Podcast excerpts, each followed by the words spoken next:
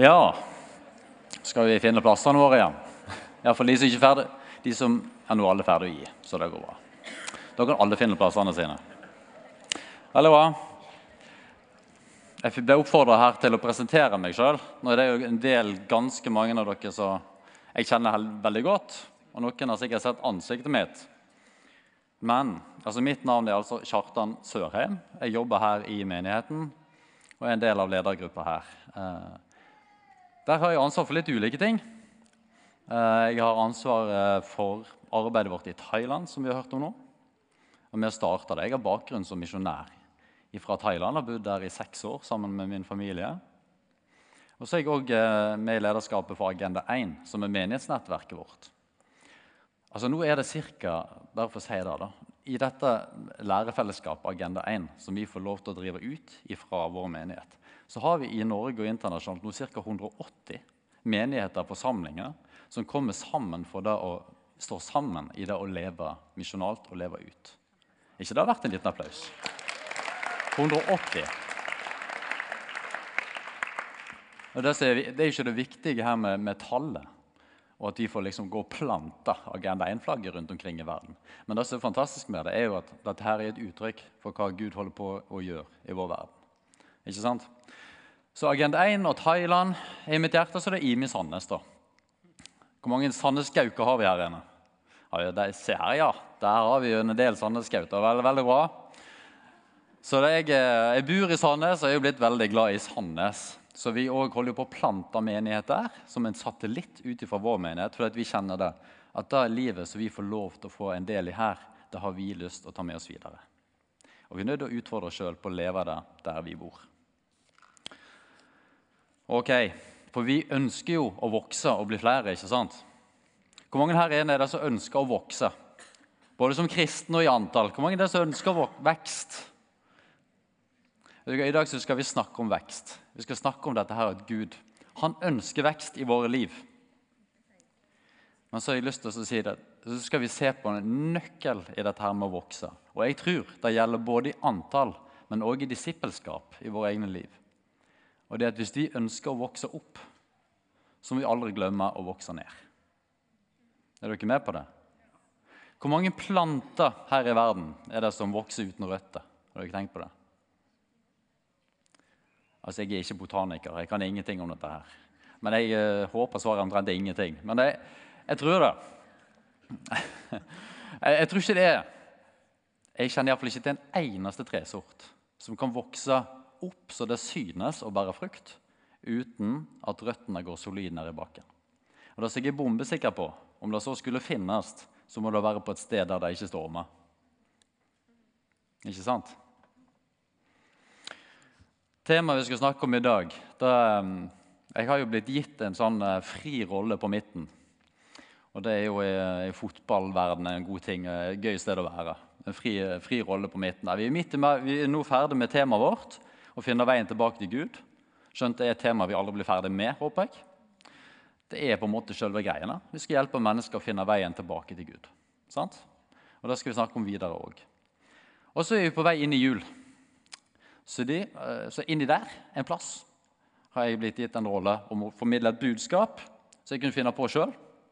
Det er jeg veldig takknemlig for. For jeg har lyst til å snakke om dette med relasjon. Jeg kommer til å snakke om relasjon, hvordan vi lever med hverandre, og hvordan vi i det kan finne kraft i vår relasjon til Gud. Som sagt så var jeg misjonær i Thailand. Eh, jeg reiste ut dit for tolv år siden. Da var jeg sånn ca. 30 år. Det er sikkert en del her inne i samme situasjon. Ca. 30.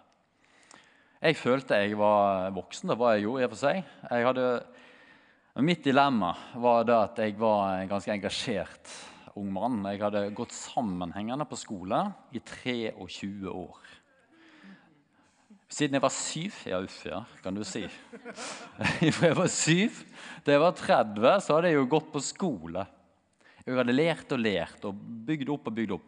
Ikke at Jeg ikke hadde, jeg hadde jo fått praktisert òg, men jeg følte liksom jeg var så klar for på en måte å gi hele meg. Alt jeg hadde av arbeidstid òg. Alt hadde jeg lyst til å gi. Så det hadde bygd seg opp en sånn voldsomt trykk inni her Så bare måtte ut. Jeg måtte få lov til å komme ut i tjeneste. Forstår dere? Og jeg var så klar, og jeg følte meg så sinnssykt klok. For jeg hadde lært så masse. Finn ler, for han snakket med en del med meg den tida der. Og så, og, så, og så, reiste jeg ut eh, til Thailand. Eh, og så kom jeg dit, og jeg så krasjlanda jeg, bokstavelig talt. Eh, fordi at Nei, ikke bokstavelig talt. Feil. Jeg landa. Overført betydning, så krasjlanda jeg. Fordi at jeg ble jo tatt helt, Jeg ble jo renska fra på en måte alt det jeg hadde tilegna meg. Uh, selvfølgelig, det er masse verdi. Jeg prøver ikke å si at ikke det har verdi. Selvfølgelig. Glem det. Men ble, da ble jeg likevel ribba fra meg. Det, jeg hadde bygd opp min identitet og min, min, uh, altså min framtidige tjeneste rundt. For jeg kunne jo ikke kommunisere noen ting. Jeg kom ned der og klarte ikke å kjøpe melk og brød i butikken. Plutselig så var ikke bare gresken, og hebraisken og latin som ikke funka lenger. Men norsken funka heller ikke. Det var et større problem. Ikke sant? Så ble, måte, alt ble ribba fra meg. Og dette trykket inni meg det bare økte, og i frustrasjonen ble jeg kjempestor. For jeg, jeg, Hvorfor i all verden er jeg her? Jeg skulle ut og gjøre noe her i livet. Endelig var det min tur. My time to shine. Er dere med? Sånn var det min følelse. Og så, og så Litt etter litt så begynte jeg å kunne kommunisere litt på thai. Så begynte jeg å snakke med disse menneskene som vi skulle jobbe med. Pastor og prester rundt omkring. Og Så kom vi på møter. så var jeg da, jeg, Dere kan jo tenke dere, jeg var sprekkeferdig. sant? Jeg var jo klar for å jobbe. Og Så kommer vi der og setter oss på møte, og så setter de seg ned. Og så kommer de der med maten. vet du, kommer de dinglende og dekker på med ene retten etter den andre på bordet. Og så sitter vi der, så har vi det så koselig og hyggelig. og så har vi det, spiser vi mat sammen, sant? så går det én time, og så går det to timer. Og dette trykket blir jo ikke mindre inni meg, for vi skulle jo gjøre noe. Nå skulle jo jeg endelig begynne å jobbe. Um, men så var det kanskje bare en halvtime igjen på slutten til egentlig det som jeg var kommet for. For jeg var jo kommet, jeg ville gjøre clash, clash, clash og være på sak. Altså, det, Poenget mitt her er at egentlig det som skjedde i løpet av mine år der nede, så skjønte jeg vet du hva? Oppi dette her så var det jeg som var dusten.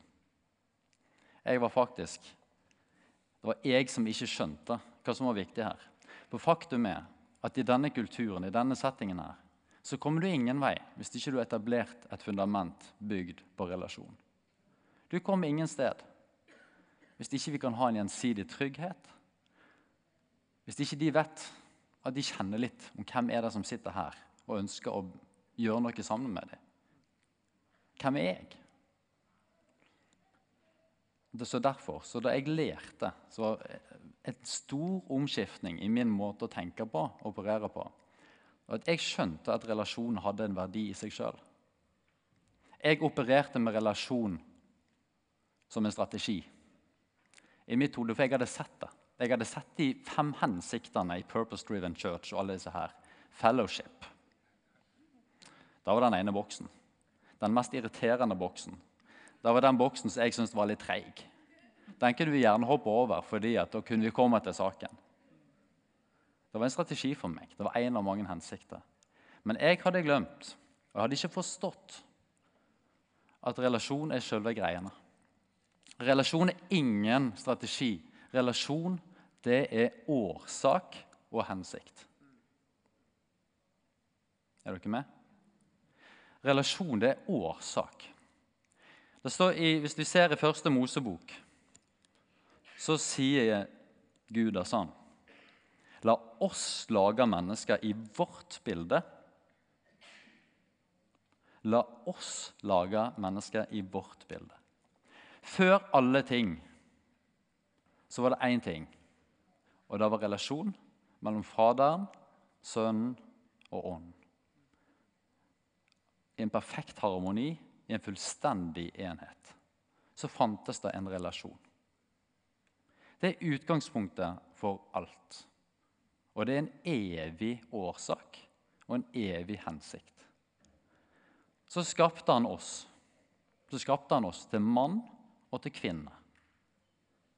Han skapte oss til relasjon. Det første som ble sagt om mennesket før, Det ene var at vi ble skapt i hans bilde. Hans bilde var en fullstendig indre harmoni i treenigheten. Og så ble vi skapt. Og så ble det sagt én ting når det kun hadde skapt mannen. Så ble det sagt noe. Hva ble det sagt da? Det var ikke godt for mannen å være alene. Det var ikke godt for mannen å være alene. Gud, Med en gang så blir det pekt på det er ikke godt å være alene. Vi er skapt for relasjon.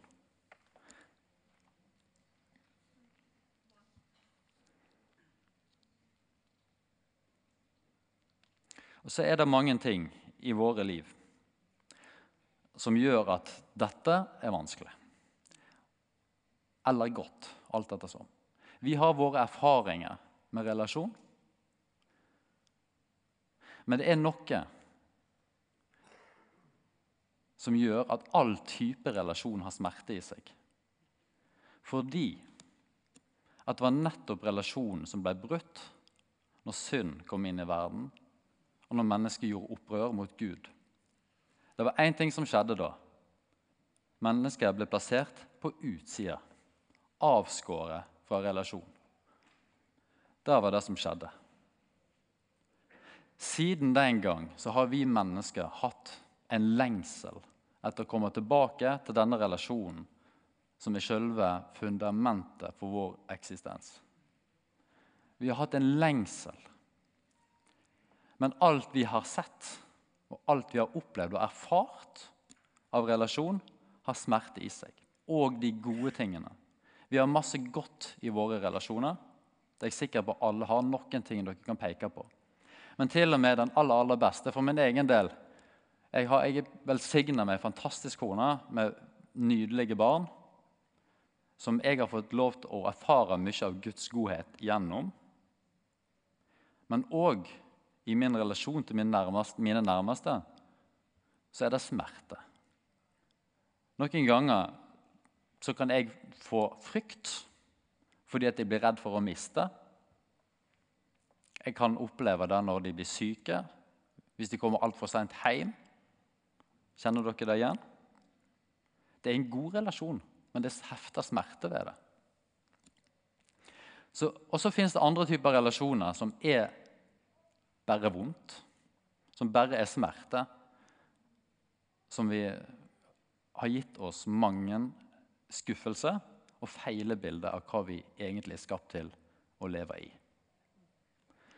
Men her må vi ikke forveksle. Vår erfaring den skal vi ta på alvor, den er viktig. Men den må ikke settes opp som en kontrast til Guds løfte. For Guds løfter de, den, de står fast. Og det er bildet av hva vi er skapt til å leve i og leve ut ifra. Og de kan bl.a. høre sann ut. Da skal vi lese fra Romerne 8. Nå skal vi høre om noen løfter som jeg mener er en slags, disse lengslene vi har inni oss, som jeg tror kan gi mange forskjellige utslag. Men de leder oss på en måte fram mot bl.a. det vi finner beskrevet i Roman 8 fra 35 og utover. Dette her er løfter folkens, som vi er meint til å kunne lene oss inn i. Og dette vil aldri svikte. Her er det ingen smerte når vi kan få lov til å lene oss inn i relasjon til Gud, som er evig, som har danna et bilde av hva det vil si å være i relasjon ifra tidenes morgen. Her fins det ikke skuffelse, folkens. For hvem kan skille oss fra Kristi kjærlighet? Nød? Angst? Forfølgelse? Sult? Nakenhet? Fare eller sverd? Som det står skrevet, for din skyld så drepes vi dagen lang. Vi regnes som slaktesauer. I det betyr det at vi, vi møter motgang, enkelt sagt. Men i alt dette så vinner vi mer enn seier med Han som elsker oss.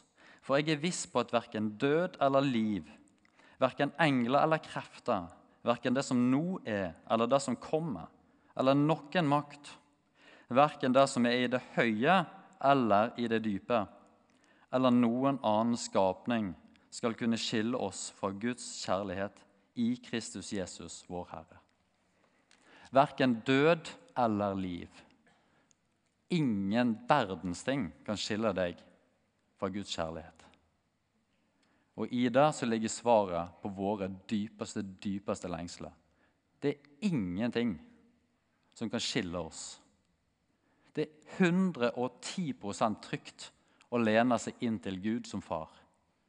Han vil aldri svikte deg, uavhengig av de erfaringene vi har gjort av relasjon. Så er dette et løfte til deg og til meg. Det står 110% fast. Og så sa, fikk høre at det var Martin sitt eget sitat her på G11. Men det er du som sa dette her, Martin. All kjærlighet, all erfaring av Guds kjærlighet må ha hud på. Er dere med på det? All erfaring av Guds kjærlighet må ha hud på. Så mennesket må inn i bildet på en eller annen måte. Eller hud, iallfall. altså, og så feirer vi jul.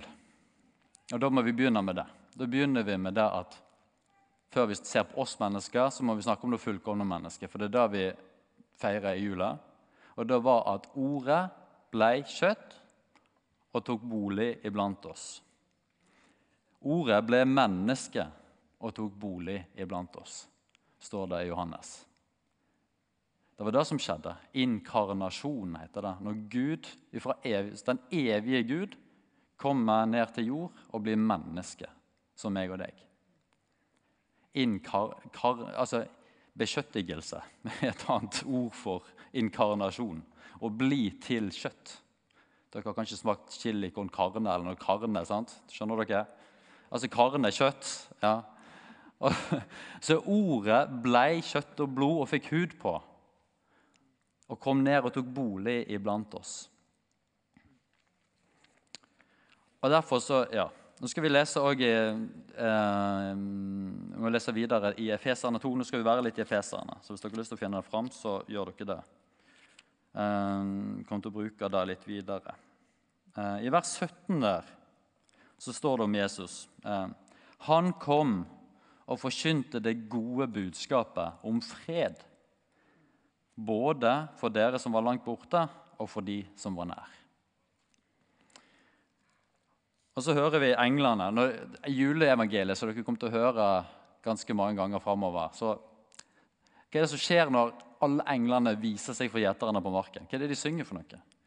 De synger 'Ære være Gud i det høyeste' og 'fred på jorden blant mennesker som Gud er glad i'. Jeg liker den nye oversettelsen, men som Gud er glad i. Eh, fred kom til jord. Og hva er det, eh, og Det var det vi leste om i Efeserne her òg. Han kom og forkynte det gode budskap om fred, både for de som var langt borte, og for de som var nær. Ordet fred kommer fra Irene, holdt jeg på å si. Det kommer fra det ordet eirene, som betyr å gjøre helt. Det betyr å sette i rett At det blir stille.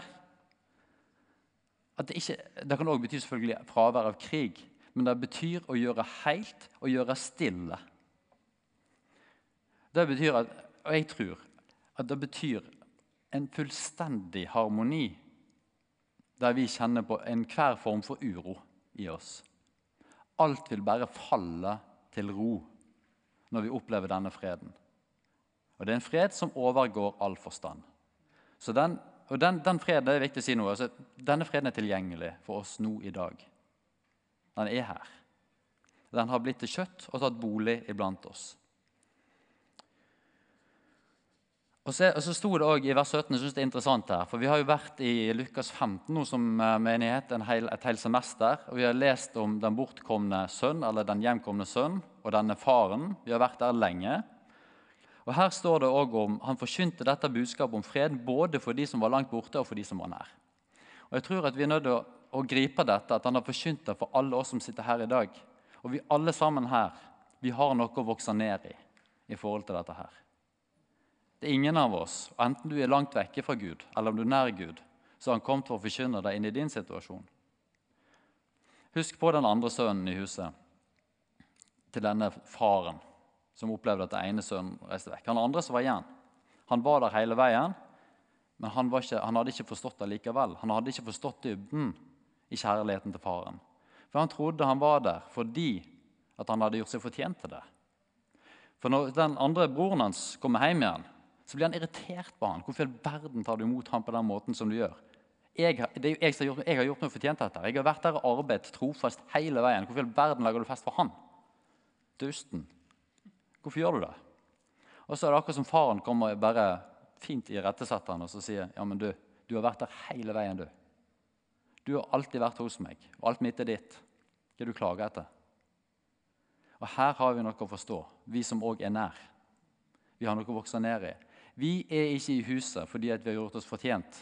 Det er ikke en eneste sjel her inne. Jeg holdt på å si en eneste kjeft, men jeg sa en sjel. Det er ikke en eneste kjeft her inne som har gjort seg fortjent til å være i huset. Du kan ha gjort, du har levd et utrolig flott og godt liv. Men du har aldri gjort deg fortjent, og du kommer aldri til å gjøre det. Glem det. Du kommer aldri til å gjøre deg fortjent til den nåden han har vist deg. Men du må forstå at du er sønn og du er datter, og det er derfor du er der. Du har arverett på det. Så derfor så kan du være der. Men det, i dette her så finnes det utrolig mye nåde. Er dere med på det? Bra. Inkarnasjonen Eh, den, det er at Jesus kom og tok bolig blant oss. Men så sendte han stafettpinnen videre når han steg opp. Han er fortsatt, han er med oss, han er i oss og alt dette her. Men Jesus han eh, ba bl.a. dette her rett før han ble tatt til fange. I Johannes 17 så ber Jesus sann. Jeg har gjort ditt navn, Gud, Faderens navn, kjent for de, og, og skal fortsatt gjøre det, for at den kjærlighet du har hatt til meg, kan være i de, og jeg sjøl kan være i de. Alt er relasjoner, alt sammen. Det handler om å være i, det handler om å bli i, det handler om kjærlighet. Det handler om å gripe dette her. Hør det en gang til. Jeg har gjort ditt navn kjent for de, og skal fortsatt gjøre det, for at den kjærlighet du har hatt til meg, kan være i de, og jeg sjøl kan være i de. Skal vi lese videre fra Efeserne? vers 18-22. Vi er fortsatt i kapittel 2. Gjennom han, gjennom Jesus altså, gjennom han har både vi og dere adgang til Far i én ånd. Derfor er dere ikke lenger fremmede og utlendinger. Nei, dere er de helliges medborgere og Guds familie. Det er ikke småtteri. Dere er bygd opp på apostlenes og profetenes grunnvoll med Kristus Jesus selv som hjørnestein. Som vi, cornerstone, som vi har stått og sunget her. Det er fantastisk å synge om, men han er virkelig hjørnestein. Det var det vi sang om. Vi er bygd opp på den grunnvollen med Kristus sjøl som hjørnestein. Inkarnasjon. Han holder hele bygningen sammen, menigheten, så den vokser til et hellig tempel i Herren. Og i Han blir også dere bygd opp til en bolig for Gud i ånden. Vi skal, bygge, vi skal bygge oss opp, vi skal vokse inn i noe her, folkens. For nå er det Jesus han, han er iblant oss. Men han har satt menigheten nå til å være landingsplass for dette kjærlighetsbudskapet. Det, det, nå skal vi gå videre med dette her. Det er vårt fellesskap her som bærer denne evige kjærligheten fra Gud til alle folk. Ikke i vår egen kraft, men i hans kraft. Men det er vårt kall å leve dette ut. Og så vet vi da at erfaring med menighet og med andre kristne har òg skapt ulike ting i oss. Her kan det være vonde ting. Her kan det være utrolig gode ting. Det vet vi. Jeg har snakket med mange, utrolig mange. En av de tingene jeg gjorde før jeg til Thailand, var at jeg var med i evangeliseringstjenesten her i byen. Da sto vi nede på, ut forbi kinoen her nede. Hver, Annenhver fredagsnatt sto vi der med kors og traller og delte ut kaker og boller og snakket med folk. Jeg fant ut at I løpet av de seks årene jeg var student, jeg tror jeg snakket med 1000 mennesker. Cirka nede, nede i sentrum her. I løpet av disse kveldene.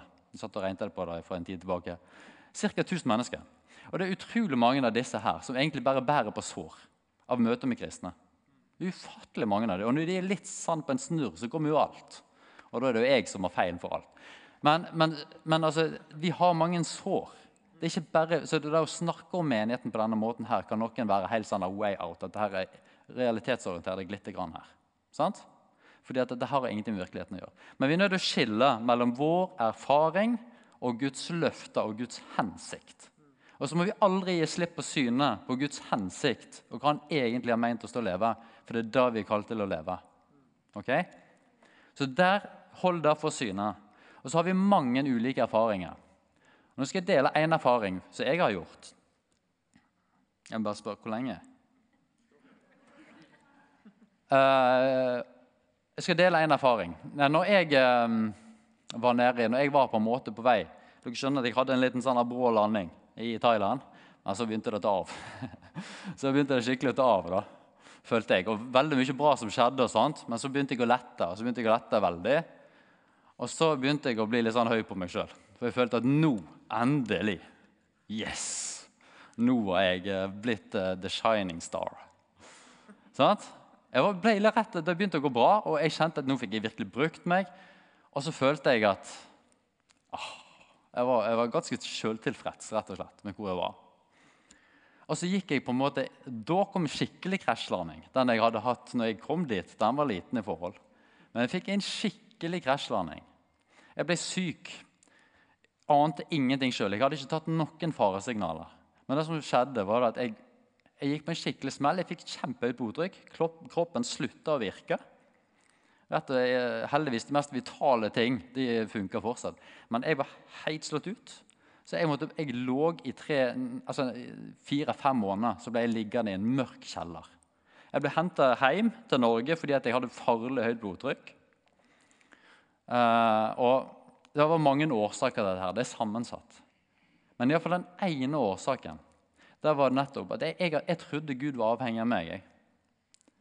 Jeg opererte ut ifra en forståelse, en identitet, at Gud var avhengig av meg. Men er det ikke mulig å ta meg feil? Han er, ikke, han er på en måte der, men han er ikke avhengig av meg. Det er jo jeg som er avhengig av han.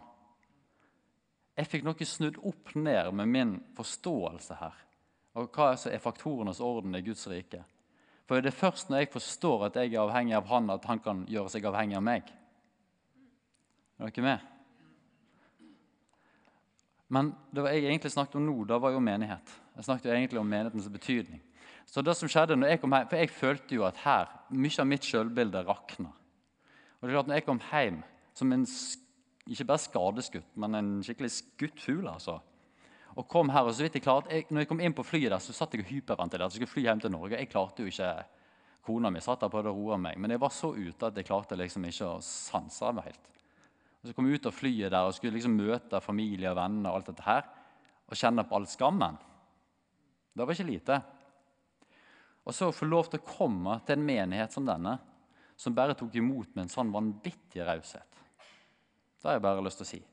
Å få lov til å erfare det, å få lov til å høre ord sagt til meg, fra Martin spesielt, som sa til meg jeg, altså, Du er ikke viktig her fordi at, for av alt du gjør men fordi du er viktig her fordi vi er glad i deg. For en helbredelse som er i de ordene, på mitt sjølbilde. Det har vært min erfaring med å få møte denne ekte kjærligheten. Dette, denne type kjærlighet den svikter ikke. Hvis vi kan få lov til å se hverandre på den måten der. Marius? Um, han, skal, han skal bare gjøre en liten jobb for meg.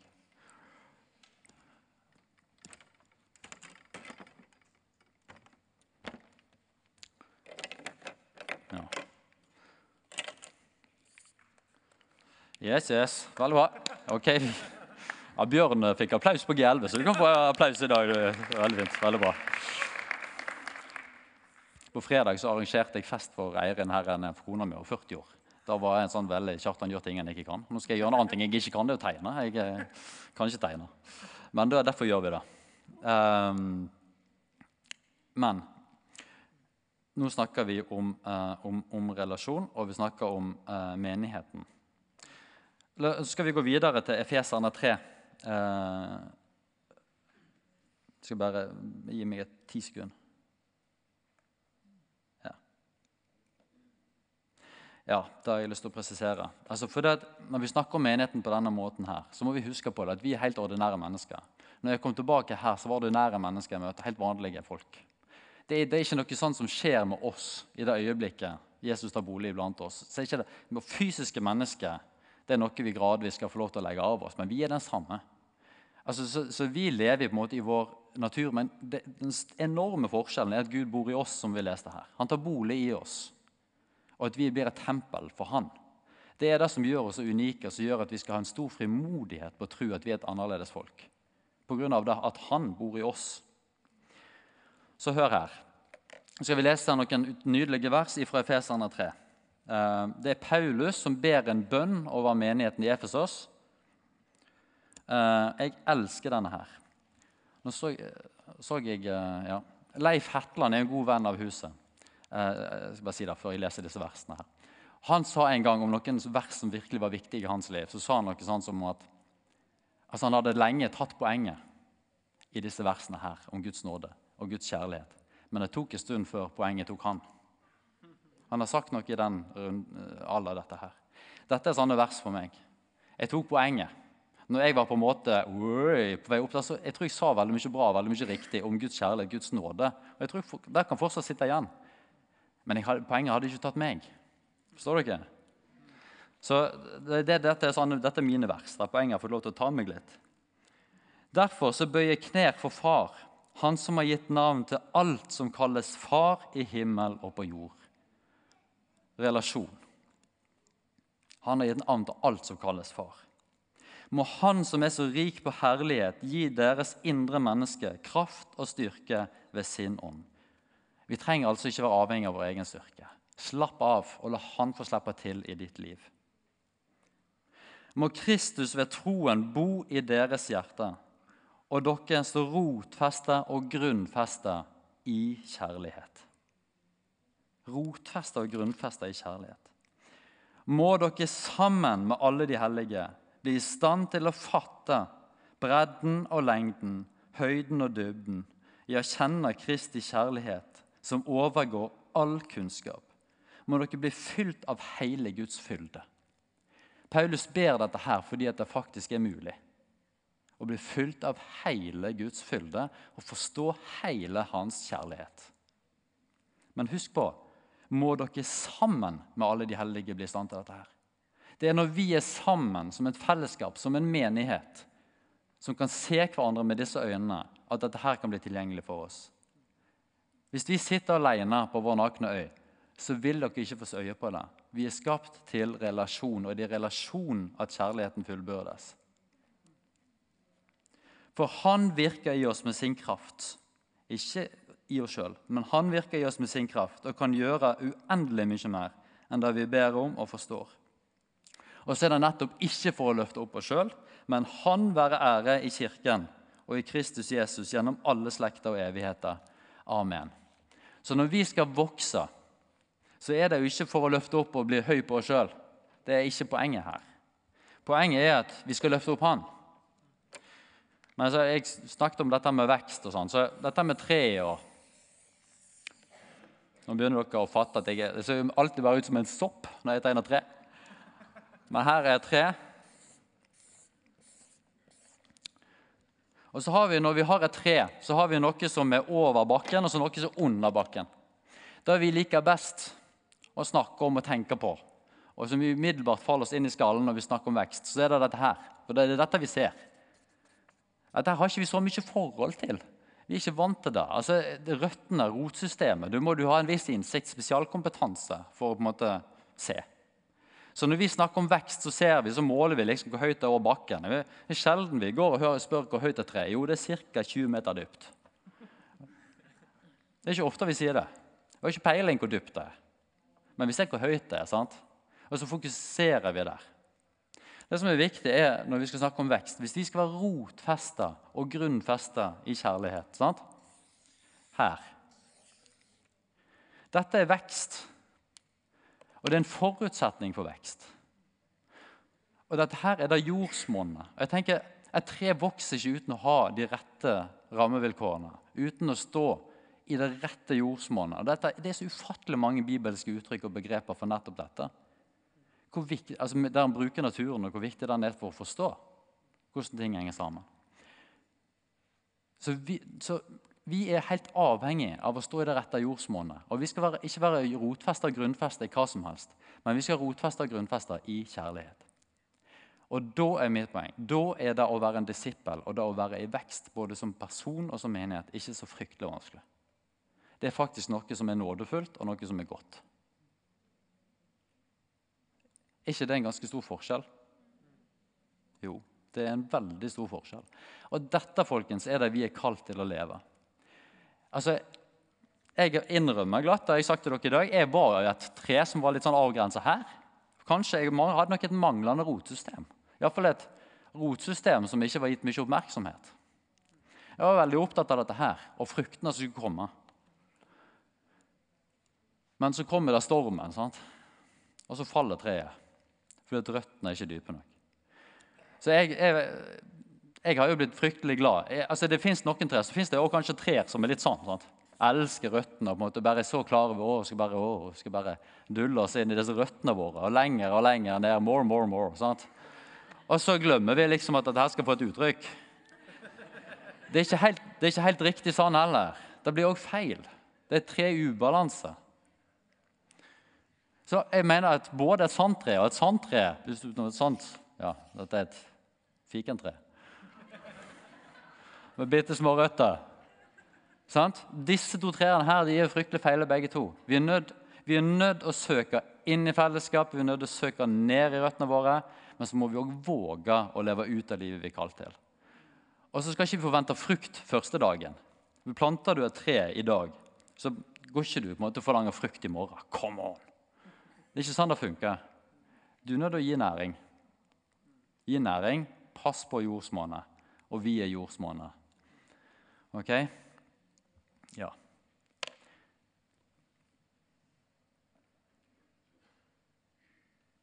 Ja, jeg tror det var det. Kan dere gjøre dere klar?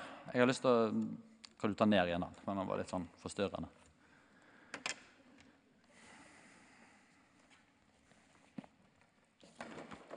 Ok, Men høres ikke dette her godt ut? Er det noen som har lyst til å ha det sånn? Å leve i en sånn virkelighet? Faktum er at det, dette her er virkeligheten, folkens. Det, vi ser den ikke sånn veldig tydelig pga. våre erfaringer og pga. ting som drar oss vekk. Men hver, dette her er Guds løfte, og la oss aldri begrense Guds løfte av vår mangel på erfaring. La oss aldri gjøre det.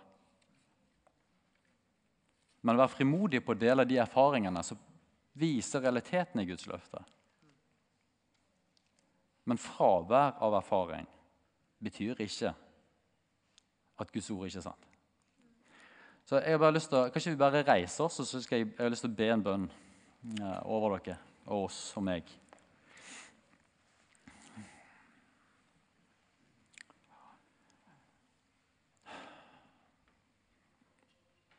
Kjære gode Jesus, jeg har lyst til å takke deg fordi at du har kalt oss til å vokse dypt.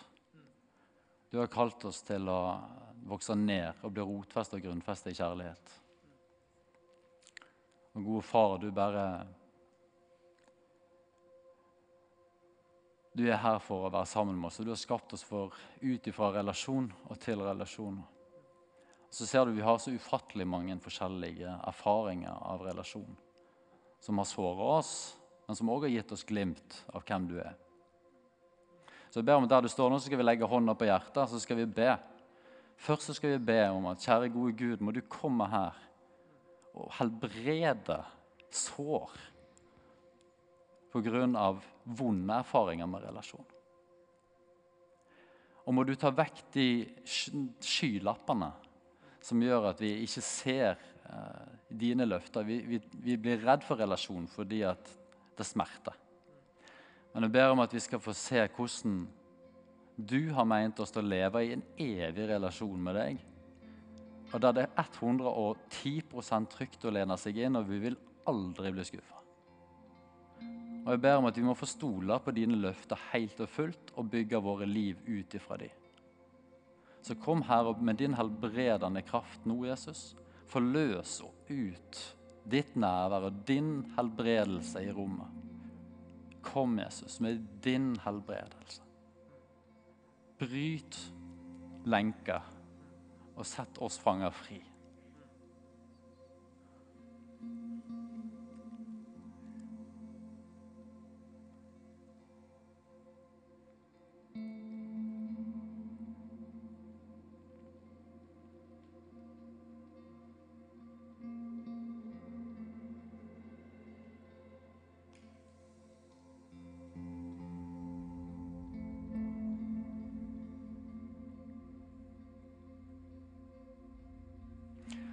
Ber jeg om at de skal få lov til å bære med frimodighet for å vokse og for å vite det. At vi er kalt til å leve et liv i hellighet ut ifra hvem du er. Og at vi er kalt til å elske hverandre med en hellig kjærlighet.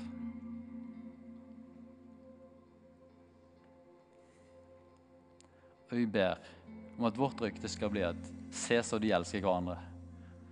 Og at mengder av mennesker skal bli tiltrukket. Vi skal få se denne byen, dette landet og denne verden frelst for ditt navn, Jesus.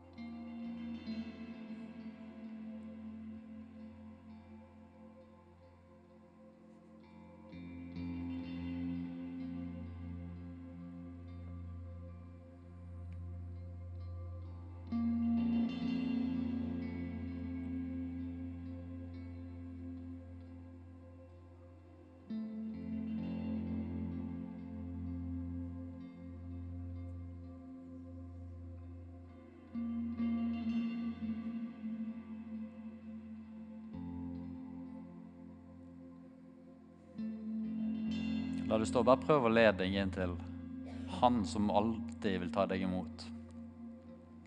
Som aldri svikter. Det er ingen farlig relasjon å lene seg inn til Gud. Ingenting der som vil sikte eller såre deg eller skade deg på noen som helst måte. Det er 100 trygt. Len deg inn til Han. La Han få ta deg imot.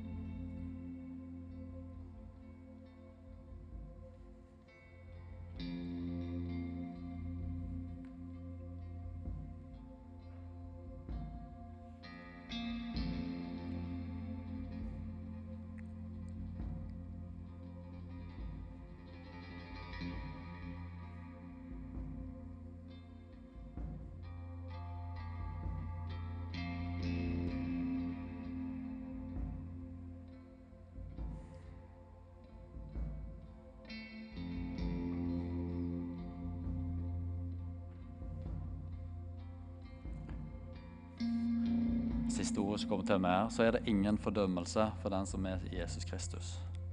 Det er ingen fordømmelse.